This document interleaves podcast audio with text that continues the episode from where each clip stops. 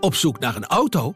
Op gaspedaal.nl zoek en vergelijk je op meer dan 40 autosites tegelijk. Je zoekt op de grote autoportalen en bij de autodealer om de hoek. Je hebt het grootste aanbod en maakt daarom de beste vergelijking. En zo mis je nooit meer een auto. Zoek en vergelijk op gaspedaal.nl.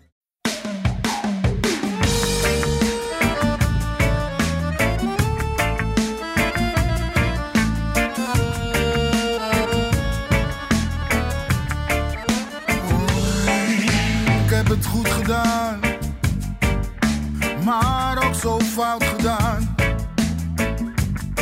Als ik terugkijk in de tijd. Een lach met tranen. Dortmund thuis en PSV thuis. Twee keer winst en doelcijfers 9-0. Daar teken je op voorhand wel voor. Nog wat meer cijfers ter introductie. Ajax staat op dit moment in de eredivisie met een doelsaldo van 37 voor en 2 tegen. Dat is plus 35. PSV heeft 22 voor en 17 tegen. Dat is plus 5. Een verschil van 30. Dat betekent dat Ajax het in de 10 wedstrijden tot nu toe gemiddeld 3 doelpunten per wedstrijd beter doet dan PSV. We gaan proberen om naast euforische gilletjes ook wat zinnigs te zeggen over de week die achter Ajax ligt. En wij, dat zijn Dick Sintony, Ajax-watcher van het Parool. Goedemorgen Dick. Goedemorgen. Bart Veenstra, hoofdredacteur Ajax Showtime. Goedemorgen. En Menno Pot, dat ben ik. Ik ben de presentator van dienst. Welkom bij Brani, de Ajax-podcast van het Parool en Ajax Showtime samen. Eh, we gaan het eh, hebben over, nou ik denk een, een historische Ajax-week. Misschien cijfermatig wel eh, de beste ooit. Als je het ook nog eventjes in ogenschouw neemt tegen welke tegenstanders dat gebeurde. En ik denk dat het voor de hand ligt om te beginnen bij PSV Ajax. Eh 5-0. Ajax PSV 5-0. Eh, maar wel een matig begin, Bart. Daar wilde jij het ook over hebben. Ja, nee, het was, was geen, eh, geen goed begin van Ajax. Ook tegen Dortmund was het begin niet goed, maar dat, eh dat terzijde. Maar het begin eh, vond ik PSV eigenlijk de betere ploeg. Zeker de eerste 10 minuten kregen ze drie kansen. En in die fase hield pas weer Ajax ook op de been. En wat, wat Roger Smit, de trainer van PSV, van tevoren ook zei... was dat hij wilde Ajax zo ver mogelijk van, van de goal afhouden. En op die manier wilde hij zeg maar ook tot kansen komen. En... ehm, ja, zonder dat PSV het meeste balbezit had, waren ze in die fase wel echt de, de gevaarlijkste ploeg. En eh, Ja.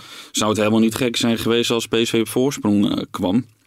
En dan knokte Maar vond je het, het wa- het waren ook weer niet echte kansen, alle drie, hè? Die ballen op doel. Nou ja, die ene kopbal van Vinicius. Die, Dat was een die- echte. ja, hij Ja. had hem eigenlijk tegen in moeten koppen misschien. Maar ik vond het een goede redding van, eh, van Pasveer. En die vrije trap van... Ja, dat was wat later. Van, ja, was het Max? Of Max? Ja. die tikte die echt geweldig uit de hoek. En dat zijn dan toch die momenten eh, ja, waarvoor je echt moet waken. Maar er waren ook nog twee schoten op doel. Waar een speler min of meer een beetje aan de zijkant doorkwam en schoot. Ja. dacht ik, ja, dat zijn ballen die een keeper heeft. Dat is gewoon, dat vond ik ook weer niet, ook weer niet echt levensgevaarlijk. Toch? Ja, maar aan de andere kant, de PSV komt wel in die, in die zone waar ze echt gevaarlijk kunnen worden. Wat Ja. eigenlijk niet zou mogen. Martinez verliest een kopduel, Alvarez stapt verkeerd en Sahavi staat eigenlijk al eh, voor de goal. Ja. Dus dat, ehm, Ik had een uur lang eigenlijk het gevoel dat het toch inderdaad wel heel erg fijn was dat Gakpo, Gakpo en Madueke niet meededen, Dick. Ja, nee, goed. eh, Los van eh, hoe de wedstrijd er verloopt, eh, zijn het natuurlijk de, de beste spelers van, eh, van PSV. In ieder geval de gevaarlijkste spelers, gevaarlijkste aanvallers. Maar ehm, nee, ik, het was, het was, de, de openingsfase was, was chaotisch. Ajax maakte veel fouten. Maar ik heb in, in die fase van de wedstrijd hetzelfde eigenlijk als tegen Dortmund.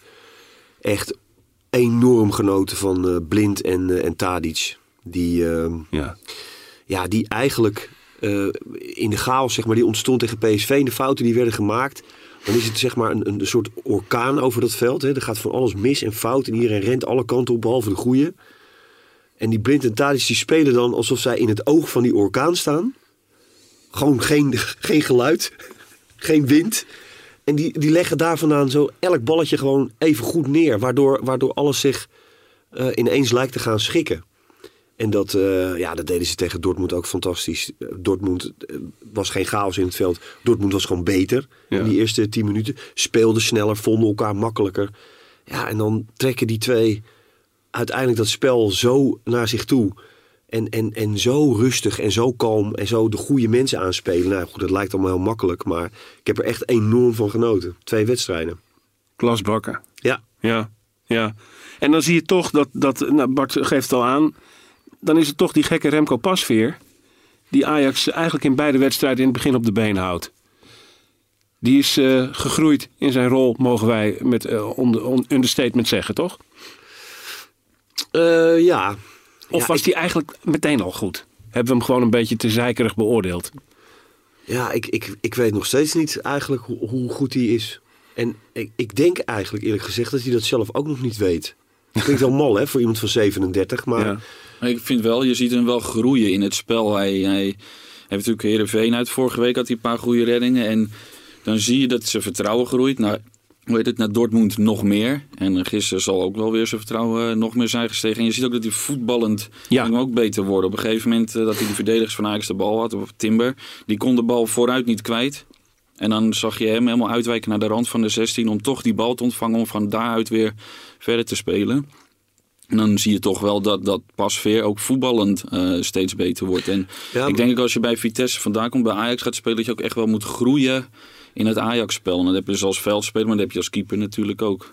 Ja, maar dat, eh, dat, dat voetballen, dat, eh, dat heeft hij, daar, daarvoor is hij ook gehaald. Hè? Omdat hij gewoon voetballend een heel goede, goede keeper is. En hij heeft een geweldige reflex. Ja. Hij kan ook wel op de lijn, staat hij zo'n mannetje. Alleen, wat, is, wat maakt het verschil tussen een, goede keeper en een topkeeper? Een topkeeper krijgt in een wedstrijd één of twee ballen die je misschien wel eh, niet kan hebben. En die je toch pakt. En, en ja, ik denk dat hij, dat zeg ik nogmaals, ik denk dat hij zelf ook niet weet of hij eh, een, een hele goede keeper is of misschien wel een topkeeper. Want dat moet je gaan ontdekken als je, als je een langere periode eh, op, Ja. op, top eh, speelt. Ja, zoals wat Ten Hag ook zei, het- hij heeft nu één of twee goede wedstrijden gespeeld. Maar het gaat nu om de bevestiging die nog moet komen. En maar dat, dat gaan we dan inderdaad met, met de tijd merken hoe goed hij echt is. Eh, eigenlijk was straks dat Dortmund uit is ook weer de volgende test in principe. In elk geval, als je de redenering van Dick even omdraait. Het is niet fijn als je in zo'n zo'n team als Ajax komt. Je weet, je krijgt niet zo heel veel ballen. En van die paar ballen die je hebt, daar zitten meteen een paar missers tussen. Eh, dat, dus wat dat betreft zal hij dat wel even gevoeld hebben van... Verdomme, ik krijg zo weinig ballen dat ik eigenlijk niet kan laten zien dat ik goed ben. En dat, eh, ja. Dan is het volgens mij wel een voordeel dat je 37 bent, Ja. denk ik. Snap je, als je, als je 19 of 20 bent eh, en, en, en dat gebeurt. Stel dat eh, de Gorter op doel had gestaan en die maakte één of twee van die eh, fouten. Ja, dan moet je maar afwachten hoe ver dat iemand terugwerpt hè, in, zijn, eh, in zijn ontwikkeling. Ik denk dat hij wel in, staat is om dat allemaal toch te relativeren. Hij baalt natuurlijk enorm, maar Ja, ik vind het ook wel knap van hem. Hij leest ook helemaal niet die social media, de reacties leest hij allemaal niet wat over hem gezegd wordt. Dat, dat is hij blind voor. zeggen ze hè. Ja, maar ik heb, ja, dat, ja, maar ik- ja, Ja. ik geloof hem er op zich wel in Is dat wel hij, zo, dat hij eh, in ieder geval zich niet gek door, door laat maken. Nee. Dat wel. Het is niet iemand die zijn telefoon mee het trainingsveld opneemt. Nee, nee. Kjell Scherpen zal vorig jaar na AS Roma het erger hebben gevoeld dan Pasveer nu. En dat Ja, is dat denk inderdaad ik toch wel, een, ja. een leeftijdskwestie. Ja, Ja, ja. denk ik wel. Ja. ja. Hoe lang vond jij eigenlijk ehm, die chaos bij Ajax aanhouden, Dick? Wanneer, wanneer eh, eh, ongeveer rond welke minuut vond jij dat Ajax het op orde had? Nou, ik vond eh, eigenlijk het, het doelpunt eh, in die twintigste minuut, dat, was wel, ehm, dat was wel heel belangrijk. Dus ze hadden daarvoor al een, een, goede kans. En nou, het kwam inderdaad ook weer over die linkerkant en de goal ook. En dat gaf, wel, dat gaf wel iets meer rust. Maar Tadic bijvoorbeeld, die was nog, ik denk, vijf minuten of een paar minuten voor rust. Was hij nog echt heel erg boos op, eh, op Martinez. Omdat hij, eh, nou goed, hij zei dat gisteren na de wedstrijd ook. He overreacted. Hè? Dus eh, Martinez is, is zo, hij zegt ja, die, die is zo eh 200% wil die zo'n wedstrijd winnen. Dat hij zichzelf soms wel eens voorbij loopt en ook verliest. Ja. En, en eh, dus dat was vlak voor rust dat hij hem nog echt tot kalmte moest manen. Van joh, als je de bal hebt, blijf ook even kijken. In plaats van alles weg te, te roeien. Daar heeft natuurlijk ook nog wel een beetje een handje van. Als het een beetje druk wordt om hem heen, dan, eh, dan gaat die, eh, die grote pantoffel eh, eronder. Ja, ik had zelf eigenlijk pas het idee dat na de 2-0... dat je zag dat PSV een beetje de hoop eh, op een goed resultaat verloor. Pas het, daarna ging Ajax echt goed voetballen. Ja, vond ik dus ook, half ja. uur. En zeker de fase voor de 2-0, dus nog na rust zelfs, Ja. was er nog een fase dat ik dacht als Ajax zo doorvoetbalt, dan vraag je om problemen. En eh, eh, toen realiseerde ik me ook erg goed dat eh, Ajax toch echt wel van geluk mocht spreken dat die twee aanvallers er niet waren. Want daardoor kon PSV ook dat favoriete spelletje eh, van lekker leunen en counteren niet spelen. Ze moesten het eigenlijk wezenlijk anders doen dan ze normaliter doen in de arena. En eh, zelfs met eh, de, de minder snelle mensen die ze wel tot hun beschikking hadden, had ik het gevoel dat PSV toch ook na rust nog dicht bij een goal was. En dat, ja, ja, er hoefde maar één dingetje fout te gaan. Ja, nou goed. Ik- je, het laatste half uur, toen ging het vlammen. Ja, toen ging het vlammen. Maar ik vind wel, zeg maar, in die eerste, het eerste kwartier kreeg PSV gewoon echt, eh, lag het open een paar keer, kregen ze kansen. Ja. En daarna was het wel, wel, weliswaar wat rommelig na de 1-0 van Ajax. Maar heeft Ajax echt de grote kansen gekregen en PSV niet zoveel meer. Eigenlijk niet één meer, denk ik. Ja. Ja. Dus toen hadden ze wel, eh, hadden ze wel de, de controle. Maar goed, tegen Dortmund was het eh, langer een hoger niveau. Zo. En, en ook, ook een iets andere sfeer in het stadion. Die was gisteren ook wat, wat tammer. Gewoon even, net even een tikkie matter. En misschien dat dat dan ook in een ploeg voelbaar is. Sebastian Haller. Bart. Ja, die is... eh, jongen, jongen, jongen, jongen, hij jongen. is- Begint te voetballen ook, ja, hè? hij is, eh, hij is los. En inderdaad, ik denk, en ik denk dat het voor een groot deel ook te maken heeft met zichzelf natuurlijk. Maar ook met eh, het feit dat Berghuis omheen speelt. Waardoor hij gewoon veel meer de ruimte heeft ook om aan het voetballen toe te komen. Want Berghuis die is heel dynamisch, is altijd onderweg. En Klaassen, die daarvoor op 10 stond, die, die staat eigenlijk altijd tegen eh, Haller al aan. Waardoor Haller echt die, die ruimte niet heeft om ehm, echt als aanspeelpunt te fungeren. Maar ook niet de ruimte heeft om voor die goal te komen. Omdat vaak eh Klaassen daar op dat moment al staat. En Berghuis is een man die er niet staat, maar een man die er komt. En ik denk dat Haller er echt heel veel profijt van heeft. Van Berghuis. Eens met de analyse, Dick? Eh, ja, zeker. Ja, zeker. Maar ik, ik ja, Het is toch ook in zijn eigen kop? Er is iets veranderd? dat is dat natuurlijk. Speelt Ja. ook een rol. Ja, het is, eh, het is een. eh, ja, het is gewoon. Het is, ik had een interview met hem afgelopen vrijdag. En hij, is, hij is zo rustig. En, en ehm, hij weet in zijn hoofd zo goed wat hij allemaal aan het doen is. En ook wat er om hem heen gebeurt. Weet je, dat is, het is geen piepeltje. Het is wel een volwassen, volwassen voetballer. En eh, hij zegt ook van ja, ik moet niet denken dat ik de beste voetballer van de wereld ben. Nou, als een, als een speler daarmee begint, dan vind ik al, eh, dan vind ik al een plus. Ehm, en ja, weet je, die, die, ik zie het ook wel hoor, dat met Berghuis, dat dat allemaal dat dat goed klikt en zo. Maar ik ben zelf ook, ja, die Klaas die komt er gisteren dan weer in. Ja, en na zeven minuten ligt het balletje er weer in. Ja, ik, Ja. ik dat is zo'n enorme kwaliteit. Ik, ik, ik vind het echt een, eh, het is volgens mij een, een heel moeilijke keuze voor Ten Hag. Hoe goed Berghuis ook eh, eh, voetbalt en hoe goed ik hem ook vind, zijn twee totaal verschillende types. Ja, Ja, die alle twee, zeg maar, in wat zij kunnen, ja, heel goed zijn. ja best wel goed zijn. Ja. ja. Maar je zou er misschien nu zelfs aan kunnen denken, nu Gravenberg wat minder in vorm is. En eh, tegen Dortmund en tegen PSV misschien wel de zwakste speler van Ajax was. Dat je Klaas op linkshalf eh laat spelen. Dat heeft hij bij Werder Bremen ook heel, heel goed gespeeld. Dus ik denk zeker dat hij het kan. En eh, ja, als Klaassen invalt, dan speelt hij vaak ook goed. Dus Jij eet hier de kaas van het brood van Tim Buschops. Die op Brani, de podcast, via Twitter precies deze vraag stelde. Scherp Tim, heel. Gravenberg in vormdip. Hoe kijken jullie naar een middenveld met Alvarez, Klaassen en Berghuis? Nou ja, het antwoord Nou ja, heb ik daar- eigenlijk daar hebben we hem. gegeven. Ja, Nou ja. ja, ik, ik, ik sluit Tim, hoorde je het? Eh, ja, nee, dat, eh, de- hè? zeg het nog eens. Ja, nee, ik sluit inderdaad niet uit dat Ten Hag als Gravenberg eh, zo blijft kwakkelen. En ik vond het ook opvallend dat Ten Hag gisteren na afloop van de wedstrijd ook echt openlijk kritiek uit aan de rest van, van Gravenberg. Dat Ja. zegt ook wel wat. En ja, als, als andere jongens bewijzen het beter te doen, dan stelt Ten Hag ze op. En dan moet je misschien op het middenveld iets anders gaan spelen. En ja, sluit niet uit dat straks eh Klaas op de plek van Gravenberg komt te staan als, eh, als het zo doorgaat. Gravenberg even in de luwte. Wat jou betreft een optie, Dick? Mm, ja, vind ik ook lastig. Omdat ehm, je, je allergrootste talenten moet je wel eh, koesteren. Ja. En eh, ja, als er nou één trainer is die, eh, die dat spel, als het al een spel is, maar in ieder geval dat hele proces heel goed kan, eh, kan, kan begeleiden. Als je daar als voetballer ook voor, voor open staat eh, en, en, eh, en redelijk bent, ja, dan is het Ten Hag.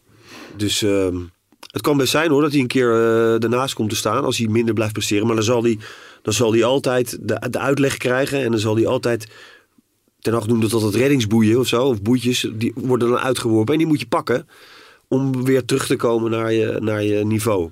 Maar ik denk, ik denk vooralsnog, ja, weet je, het is, het is echt zo'n groot talent. Zeker, Die even- eh, hij is die ook pas even- 19 jaar. Ja. Vorig jaar op Anfield bij Liverpool was hij de ma- beste man van het veld. Dus eh, Ja. die potentie die is er zeker. En ik denk ook zeker dat hij uiteindelijk wel echt bij een hele grote club in Europa gaat spelen. Dat doet hij natuurlijk in principe allemaal echt eh, Ja. over de landsgrens heen dan. En, maar ja, hij is pas 19 en dan kan je een mindere fase hebben. En dan kan je inderdaad denken om eventjes wat rust te gunnen inderdaad. En dan...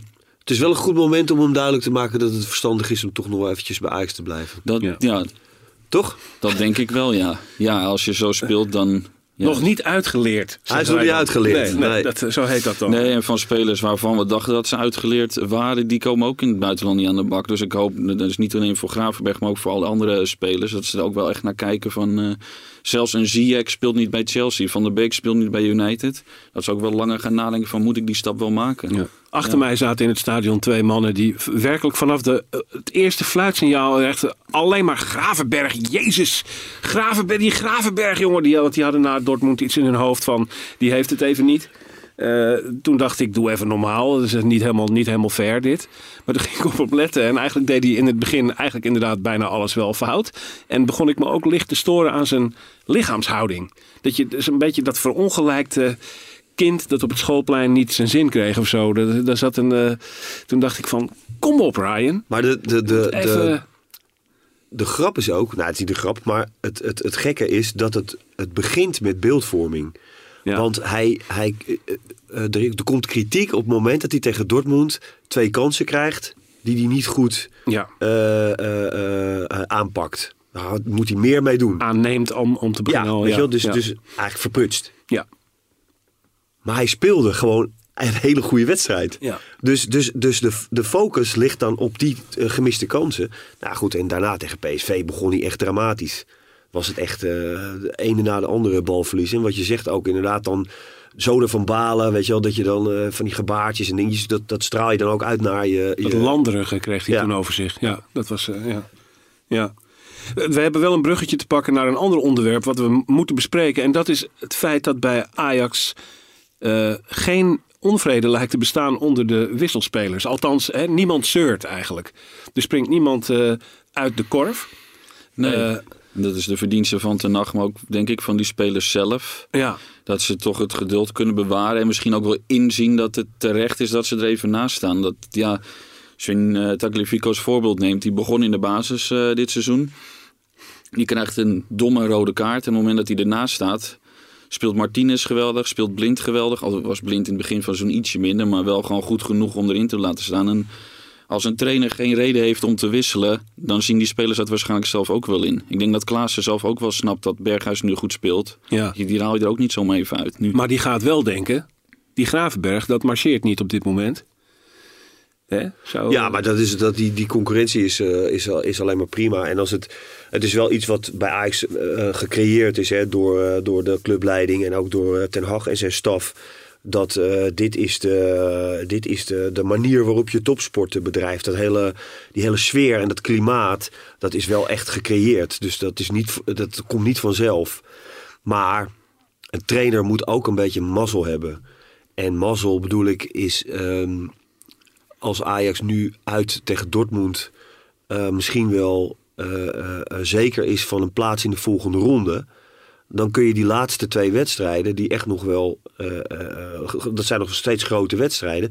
Dan kun je eh Tagliafico en Neres en, en Klaassen ook speelruimte geven. Ja. En dan kun je ook misschien eens wat, wat meer gaan, gaan roleren. Of mazzel hebben met een keer een blessure. Dus die, die gaan komen. Alleen op welk moment? En wie komt er dan in het elftal? En hoe, hoe pakt dat uit? En daar, en daar kun je zeg maar ook wel de spelers tevreden mee houden en, en betrokken. Want als je dit, zoals het nu is, met deze bank, als je dat nog twee maanden hebt, ja, dan, dan gaan spelers echt wel, eh, eh, eh, nou misschien niet mekkeren, maar wel minder geven. Minder geven op de trainingen, minder Ja. geven. Echt balen van, van de situatie. treedt de desillusie in. Ja, Ja. dus je, hij moet ook een beetje geluk hebben dat hij, dat die spelers zo meteen ook nog echt wedstrijden kan geven. die op de bank zitten. Je moet Ja, ze kunnen belonen. Ja, die mazzel had hij natuurlijk vorig seizoen eigenlijk met de blessure van, eh, van Blind. Dat was zeg maar een eh, geluk bij een ongeluk dan zeg maar. dat hij op dat moment hoefde hij niet eens te kiezen eh, tussen dat koppeltje van vier in die linkerhoek. En, Nee, dat klopt. En wat, eh, op een gegeven moment, Tajevico was dan een keer geschorst nog. Weet je? Ja. Dus dan kon hij dat weer een beetje draaien. was en geschorst ook een Ja, keer. eh, en, dus, dan, en dan heel langzaam krijgen spelers eh, hun kansen ja. die ze grijpen. En dan, dus ja, je moet ook wel een beetje... eh, je moet eerlijk zijn, dat is Ten Hag. Je moet duidelijk zijn, dat is hij ook. Alleen, ja, iedereen wil wel zijn, zijn bijdrage eh, kunnen leveren. En die lever je niet als je 12, 13, 14 wedstrijden achter elkaar alleen maar op de bank zit. Maar sluit jij dan niet uit dat, dat in de winterstop als er nog een paar van die eh, wisselspelers dan gaan vertrekken, dan noem ik een Neres en een Tagliafico misschien. Nou, ik, ik weet bijna zeker dat als eh, de markt open gaat en voor die spelers is, is belangstelling en ze willen het zelf ook graag, Dan zijn dat, ze, dat Ajax daar wel aan meewerkt. Ja. Ja. Dat is denk ik ook wel gewoon afgesproken met die spelers. Zou ook raar zijn als het niet zo is. Nee. Dat, Dan moet je gewoon doorhandelen. En, eh, ja, ja. hey Bart, ehm, eh, we hebben PSV dat dus nu kan wijzen naar de afwezigheid van eh Madueke en Gakpo. Dat maakte voor hun verschil. Schmid wees daar ook op, had daar wat mij betreft gelijk in. Maar dan nog, het is wel 5-0. Wat zegt dit over PSV eh, en waar die ploeg op dit moment staat? Ben jij, ben jij geschrokken van het niveau van PSV? Eh, nou, ik moet zeggen, toen ze in de Johan Cruijffschaal tegen Ajax speelden, toen vond ik PSV echt een stuk beter. En dat was dan inderdaad met Madueke en eh, Gakpo erbij. Alleen, dat was nog wel tegen een Ajax dat net bij elkaar was. Een paar spelers waren pas net een week terug van vakantie. En nu zie je wel uiteindelijk gisteren, de conclusie die kan trekken, is wel dat Ajax echt wel een stuk verder en beter is als, als team ook. Dus, en individueel is Ajax al beter, maar ook als team is het veel beter op elkaar ingespeeld. En ehm, ja, die noemde de doelcij- doelcijfers aan het begin van de podcast al op. Die spreken ook al voor zich dat Ajax gewoon ja, een stuk beter is dan PSV. En dat PSV misschien niet zo heel slecht is. Ja. Maar dat Ajax gewoon zo ongelooflijk goed is. En dat Ajax op dit moment misschien wel bij de beste eh tien clubs van Europa hoort. En in de normale tijden zou eh, Ajax misschien echt wel de concurrentie van PSV eh, voelen. Alleen nu heb ik wel echt het idee dat het verschil echt te groot is. Ja. Ja. Dick? Ja, ik, ik hoorde gisteren van een collega een, eh, een, eh, een statistiekje dat PSV in Nederland in de Eredivisie de laatste 13 topwedstrijden niet één heeft gewonnen. Dat is ze hebben natuurlijk ook al met 4-0 verloren van Feyenoord dit Ja, seizoen. ja, Eh, ja. ja. Ja, dus dat is een. eh, ja, en dat zie je ook wel in die, in die andere grote wedstrijden. Want dit seizoen hebben ze natuurlijk ook. eh, ja, Benfica, weet je wel. Dan, dan moet het. En dan tegen 10 man lukt het niet. En nu eh, tegen Monaco, eh, ja, 1-1. Hebben ze dan in de, in de pocket. En dan wordt het alsnog 2-1. Dus er, zijn, er zit wel iets. Er zit wel een soort weeffoutje in, in, in die ploeg. Dat ze dat niet voor elkaar krijgen om, eh, om die grote wedstrijden te, te winnen en naar zich toe te trekken. Aan het begin van het seizoen was de toon, en dat was natuurlijk na die 0-4 om de Johan Cruijffschaal, dat was allemaal wat geflatteerd en daar viel een heel verhaal bij te vertellen. Maar de toon was desondanks ook in de eerste weken van de Eredivisie. PSV is sterker dan vorig jaar. Dat team staat er, het is hecht, het is gevaarlijk. Die gaan serieus meedoen om de titel. Tot nu toe komt er niets van terecht en blijkt het eigenlijk minder dan vorig jaar bij PSV. Verbaast jou dat? Nou ja, ik, ik zie toch echt wel een, een, een, een, een, eh, een parallel tussen ehm, die prestaties en, en, eh, en het wisselbeleid van, eh, van die trainer. Ik, ik, ik, ik ben, ja, ik, ik volg PSV niet goed genoeg. Eh, Ajax volg ik echt veel beter wat dat betreft. Maar Ja. ik, van, een, van een afstandje, ik zie ook veel wedstrijden van PSV toch wel. Van een afstandje zeg ik, dat, is, het komt, dat spel van PSV gewoon niet ten goede. Eh, die, nee, en dat zie je bij Ajax ook wel. Ten Hag houdt gewoon echt vast aan zijn vaste basis zelf. En dan gaat het op een gegeven moment draaien. En je ziet ook vaak de teams die kampioen worden. Het zijn vaak de teams die eigenlijk elke week met dezelfde spelers spelen. En er is alvast één of twee spelers dat dat een keer wisselt. Maar de kern die is vaak hetzelfde. En eh, zelfs Feyenoord is een keer kampioen geworden. Met, met één vaste opstelling natuurlijk. Eh, dus Nou, je ziet het gewoon in, eh, in cruciale fases van, eh, van wedstrijden. Dan, eh, dan, dan is PSV vaak zoekende. Omdat er net weer twee, drie, vier spelers op andere posities staan. En dan, en dan moet je het verschil maken. En dan maakt het juist niet. Weet je wel? Dus ik, ik zie daar wel een. Ja, het is wel een groot gemis volgens mij, die, eh, die stabiliteit in het elftal. Terwijl ze er echt wel een paar, eh, paar eh, fijne spelers in, die, in de selectie hebben. Ze hebben op echt, zich wel. echt, qua kwaliteit hebben ze heel veel goede. Heel goede opmerkelijk natuurlijk dat van, van die 17 tegendoelpunten die ik daarnet noemde, komt dus meer dan de helft voor rekening van PSV, en van Ajax en Feyenoord. In twee wedstrijden opgelopen. 9 van die 17 vlogen erin in de twee duels tussen de klassieke top 3. Ja, het is dan wel Zijn zonde toch dat de cijfers. twee tegengoals die Ajax krijgt, dat kost je wel vijf punten. Eh, ja, Ja, zo is het ook weer. Zo Ja, is maar goed, weer. dat is, wel, dat is ook wel weer eh, eh, grappig om, eh, om op te merken dat eh, Ajax heeft nu een aantal eh, hele mooie wedstrijden gespeeld. En, en met flinke doelcijfers eh, uitgehaald. Maar ja, ze hebben dus toch ook al gewoon verloren van Utrecht en gelijk gespeeld tegen Twente. Weet je, ja dus dat, is echt dat niet... eh, toont dat wel je- aan dat als Ajax niet bij de les Nee. is, niet in goede eh, vorm is op een bepaalde dag, dan zijn ze wel eh, te verslaan inderdaad. En Nee, goed, je, je, hoort nu na deze twee wedstrijden van ja, wie moet er van Ajax winnen? Nou, eh, Utrecht. Ja. Ja, Ja. ik bedoel, eh, het is eh, al gebeurd hè? De, de, de belangrijkste conclusie die je daar misschien uit kan trekken, ook voor Ajax gaat winnen niet automatisch. Het moet altijd maar weer. En dat is ook wel wat je, wat je types als Blind en Tadic, die toch wel de leiders van het team zijn, vaak eh, ook hoort zeggen na afloop in de media. Dus, eh, Vragen van onze dierbare luisteraars, jongens. Een intermezzo. Eh, eerst even Thomas Blokhuis. Die vraagt, eh, stelt een terechte vraag, een randzaakje. Kan en of gaat Ajax optreden naar aanleiding van dat spandoek? En dat spandoek, daar doelt hij natuurlijk op het grote, eh, veelkleurige, bontgekleurde doek... dat over de F-site werd uitgerold aan het begin van de wedstrijd. Eh, daarop zag je een Ajax-figuur tussen een grote berg geld zitten. En daarnaast een armzalige PSV'er met een Calimero eierschaal op zijn hoofd. eh, die daar duidelijk eh, armlastig zat te wezen. Ehm, dat, kun je, dat statement kun je maken. Zeker ook omdat eh Schmid natuurlijk vaak verwijst naar the budget van Ajax. Ehm, maar wat eh, de boel een beetje onsmakelijk maakte... was dat de als sponsornaam op het PSV-shirt stond...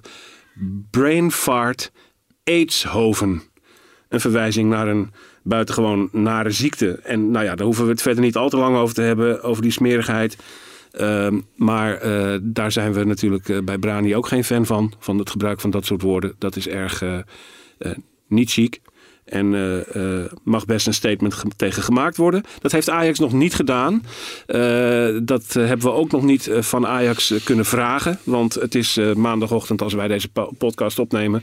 Dus we kunnen daar nog niet zoveel over zeggen. Behalve dan dat wij het niet fraai vonden. Nou, Thomas, meer kunnen we daar even niet over zeggen. Volgende Ja, maar luisteraarsvraag. goed, het is wel, het is wel zo dat we hadden het hier voordat we de, de podcast begonnen al even over dat Ajax natuurlijk wel vaak bij dit soort acties weet eh, wat er eh, gemaakt wordt. Ja. Maar, maar dat ze daar kennelijk niet eh, precies weten wat. Nee, daar is of hebben ze een paar slimmerikken misschien een, een, een eerdere versie van het doek aan Ajax voorgelegd waar dat, dat woord nog niet op stond. Dat kan. Wat ook kan is dat Ajax het gewoon niet gezien heeft. En dan spreek ik een beetje uit eigen ervaring, want ik maakte bij de opkomst van de spelers met mijn telefoon een foto van dat grote doek en zette dat op Twitter. En pas toen, een paar minuten later, zag ik dat daarop gereageerd werd. hey Menno, wat, wat deel je nou? Eh, Er staat Aidshoven op. En toen keek ik en toen zag ik het pas. ja. En toen heb ik het natuurlijk meteen weggehaald. Maar ik had het ook even niet in de smiezen aanvankelijk. Eh enfin, eh, daar kunnen we nog niet zo heel veel over zeggen. Laten we naar een volgende luisteraarsvraag gaan. Die komt tot ons van Rick van den Aker. En die wil weten, een vraag voor Dick. In hoeverre zijn de geruchten over Mark Overmars en Newcastle United waar? Ja. Nou, Dick, het woord is aan Dick. Nou, volgens de Daily Mirror is het, eh, is het al eh, bijna beklonken. En gaat Ten Hag ook mee. Dus eh, Ja. ja, nee, dit soort geruchten zullen er altijd zijn in het voetbal. En het is ook leuk, maakt het leuk om, om, om het te volgen. Eh, los van de, alle wedstrijden. Maar goed, Overmars is de afgelopen jaren al naar Barcelona gegaan. Hij is afgelopen jaar al naar Arsenal gegaan. Hij is afgelopen jaar al naar Manchester United gegaan. Van de Sar ook. Ten Hag is naar Dortmund gegaan. Ten Hag is naar Bayern München gegaan. Eh, nou ja, goed. Het is, eh, het is leuk. Eh, lekker om aan, aan, de, aan de bar in het, in het café over te, te ouwenelen. Ehm maar ja, ik, ik, ik vraag me af of Overmars daar zin in heeft. Deze mannen kunnen toch inmiddels wel betere clubs krijgen dan Newcastle United ook. Ja, goed. Overmars heeft zich ook niet zo lang geleden daarover uitgesproken. En Ten Hag, heel recent nog zelfs. Dat die, eh, die wist helemaal van niks van Newcastle. En, en die wilde ook helemaal niet weten. Die was bezig met het proces. En dat was allemaal nog al lang niet klaar in zijn ogen. En ehm, ja, die werken natuurlijk, die werken natuurlijk echt geweldig samen, die twee. En eh, dat gaat bijna nog wel verder dan het voetbal alleen. Weet je wel, die, die zitten ook, denk ik, privé wel eh, goed, op, goed op één lijn. Ja, weet je wel, dan. Overmars is nou ook niet iemand die voor het geld per se daar naartoe eh, moet. Nee. Ja, dat, dat Newcastle lijkt me ook een clubje. Hoor. Die komen uiteindelijk eh, terecht bij de José Mourinho's van deze wereld. Voor een salaris van 180.000 miljoen in, eh, in een week. En ja, weet je wel. Maar, maar zie jij, om aan te geven, zie jij Mark Overmars bij, bij Paris Saint-Germain werken? Weet je wel, waar je gewoon Niet, spelers... niet echt. Nee. Ja, daar, daar heb je ook helemaal geen functie. Joh. De, de, de eigenaar bepaalt wel welke spelers daar uh, rondlopen. Daar kan je ook helemaal niet, niet, niet, niet handelen en het spel niet spelen en kneden en iets componeren, een selectie maken. Weet je. Ja, En daarom denk ik ook niet dat hij naar dat soort clubs gaat. En die wil gewoon echt naar een traditionele topclub. Waar hij ook de vrijheid krijgt inderdaad om uh, de spelers te kopen en te verkopen waarvan hij denkt uh, dat het moet. En, uh, ze, hebben wel denk... de, ze hebben wel de ambitie ook, hè? van de SAR ook hoor. En, en, en Overmars ook. Ze, ze, ja. ze, ze, vinden het ontzettend, ze hebben het heel erg naar hun zin nu bij Ajax. Ik denk dat het ook wel een stressvolle job is bij Ajax. En dat ze misschien in het buitenland, als er wat meer financiële mogelijkheden zijn, dat ze misschien iets rustiger ook uh, kunnen zitten. Alleen de clubs waar ik Overmars naartoe zie gaan, dat is een Arsenal en Barcelona. Dat gaat op het moment helemaal niet, uh, niet goed natuurlijk. Dus er is echt wel werk aan de winkel bij die twee clubs. Dus het zal ook wel de nodige stress uh, meebrengen. Maar... En bij Barcelona naar verluid een schuld van meer dan een miljard. Ja, uh, nou ja. Hè, dus dat is, daar zal nog echt wel even de rem erop en laten we, laten we eerlijk zijn, het is, het is bij Ajax nog niet af hè? Nee. Nee. Het is, het is, ze zijn nog niet klaar. Ze hebben gezegd van het is onze ambitie om structureel aan te haken bij uh, uh, de Europese top. Nou, ze zijn goed op weg, zei Ten Hag van de week. Volgens mij gisteren zelfs. Ze zijn goed op weg. Ja. Maar er is nog heel veel terrein op alle vlakken te winnen. Er komt ja. uh, in 2024 uh, waarschijnlijk toch een verandering ook van competitie, Champions League, misschien wel een Super League. Ja, Ajax is zich aan het positioneren, uh, zowel financieel als sportief. Maar dat is pas, nou ik wil niet zeggen halverwege, maar het is nog lang niet af. En ze zijn wel zo nee, maar als je eager kijkt, om dat, om dat ook echt af te maken. Maar als je kijkt naar hoe vaak Ajax de afgelopen jaren heeft overwinterd in de Champions League, dat is niet eens heel vaak. De afgelopen twee edities helemaal niet. En Dortmund, die zijn in de afgelopen tien jaar hebben die acht keer overwinterd in de Champions League. Een paar keer kwartfinale, zelfs een keer de finale gehaald. En naar dat niveau wil Ajax denk ik toe. En daar is nog echt wel een lange weg voor, uh, voor af te leggen. Ja. Uh, dus ja. ja. Bruggetje naar Dortmund. Toch nog even over die wedstrijd. We hebben hem al uh, verschillende uh, keren besproken daarnet. Maar uh, ik wil toch nog één, één vraag daarover opwerpen. Moet die prestatie tegen Dortmund, hoe fantastisch die ook was... en hoe geweldig het voetbal ook en hoe die arena ook loeide... Uh, verdient die ook enige relativering? Laten we niet vergeten, Dortmund is op de UEFA-ranking van clubs de nummer 16. Een top 10 team zit niet in de groep van Ajax. Moeten we hier toch voorzichtig mee zijn met deze, deze euforie? Dan begin ik bij jou, Dick. Wat zijn jouw gedachten daarover?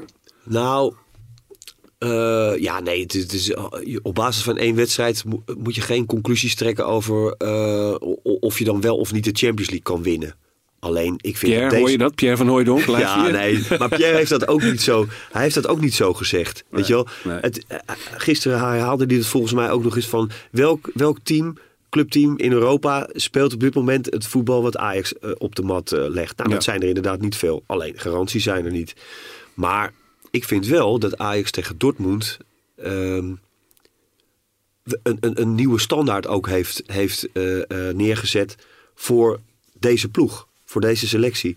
Dus um, ja, dat, is, dat zijn wel eikpunten zeg maar, waar je uh, andere wedstrijden op gaat, gaat baseren en gaat vergelijken. Ja. Door dit niveau kun je halen. En, en over 90 minuten tegen zo'n tegenstander, ja goed, dan, uh, ja, dan leg je jezelf eigenlijk wel uh, ook weer meer druk op voor het vervolg. Ja, het is alleen een kwestie van hoe ga je daar mee om? Kun je dat, kun je dat bolwerken? Ja. En ik, je bent geneigd te zeggen van wel.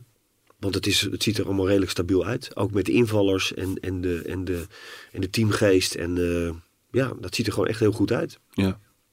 Ja, en Bart? toch gaat heel veel afhangen straks. Want ik, ik ga er inmiddels wel een beetje vanuit eh dat Ajax gaat overwinteren in die Champions League.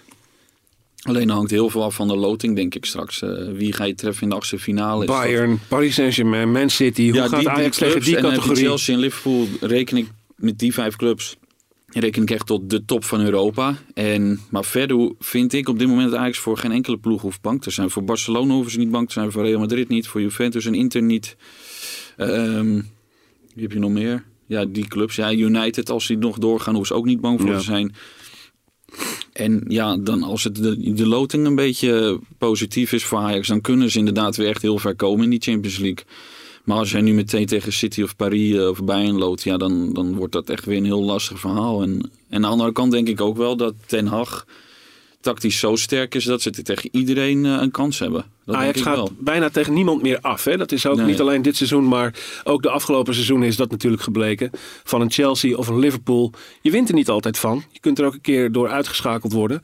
Maar het is niet meer zo dat Ajax daar met een hele regelmatige 4-0 van het kastje naar de muur gaat. En eigenlijk eh, het gevoel oproept van we kunnen hier twee weken voetballen en dan hebben we nog niet gescoord. Eh, het ziet er eigenlijk tegen iedereen goed uit. En Ja, dat is toch zeker. de grote winst van de afgelopen jaren. Ja, het is een. eh, het is af en toe. Het is natuurlijk al een tijdje aan de gang. Maar zoals tegen Dortmund, dan, dan, dan rij je na die wedstrijd naar huis. En dan. eh, ik, ik, ik moest voor de krant nog weer een, een apart stuk tikken. Dus online was allemaal klaar. En dan zit je onderweg naar huis in de auto en denk je, ja, het is toch eigenlijk ook niet normaal. toch? Hè? Ja, het is, het is niet, het is niet wat, we, wat we in twintig jaar eh, hebben, hebben meegemaakt. Nee, ik zat na te denken van wanneer eh, heeft Ajax nou eigenlijk, sinds ik Ajax zelf volg, en dat is dan eh, eind jaren 90 begonnen een beetje, zeg maar. Wanneer heeft Ajax nou echt een Europese topploeg als Dortmund met zulke cijfers verslagen? En dan kwam ik eigenlijk niet verder dan Real Madrid uit die 1-4. Want in het seizoen 2002-2003 kwamen ze ook ver, maar dat waren eigenlijk voornamelijk gelijk spelletjes. En toen Ja. in 18-19, ja, je won van, van Juventus, maar dat was maar 1-2. En onder Bos wonnen ze met 4-1 van Lyon. Maar Lyon is niet zo eh, goed als Dortmund natuurlijk. Dus eigenlijk is het wel heel uniek ook wat, eh, wat er gebeurd is. En je hoort Dit is- heel ja, veel mensen zeggen... Ik, ik noem het ook echt een heel- een, een, derde glorietijd van Ajax Ja. na de eerste, eerste helft van de jaren 70 en de, en de midden jaren 90. Dat is heel leuk. Ik kwam, de eh, beste wedstrijd in de Johan Cruijff Arena eigenlijk tot nu toe. Ik kwam eh, Pinaar, eh, Steven Pinaar tegen eh, vrijdag. En eh, een tijdje mee staan, eh, staan kletsen.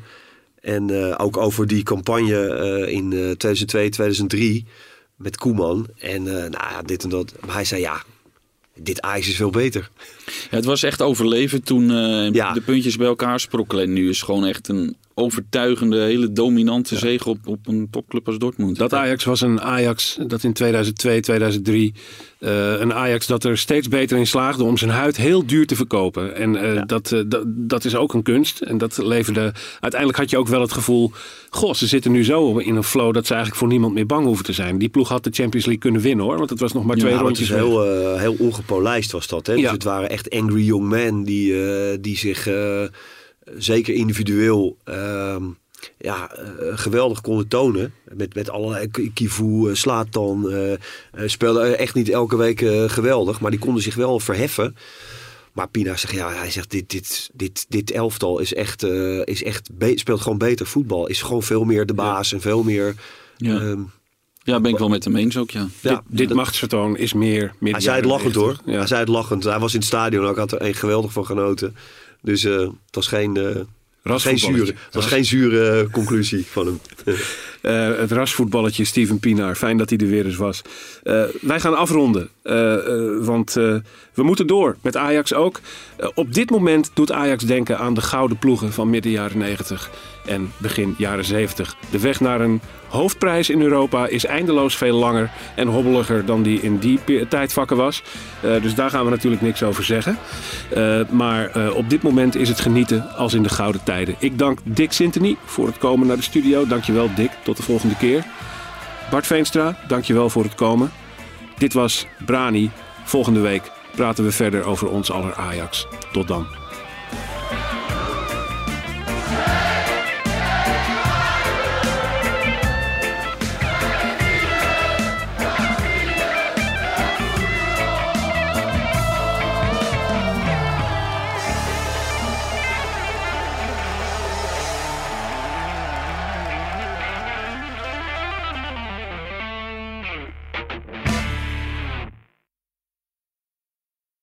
Op zoek naar een auto?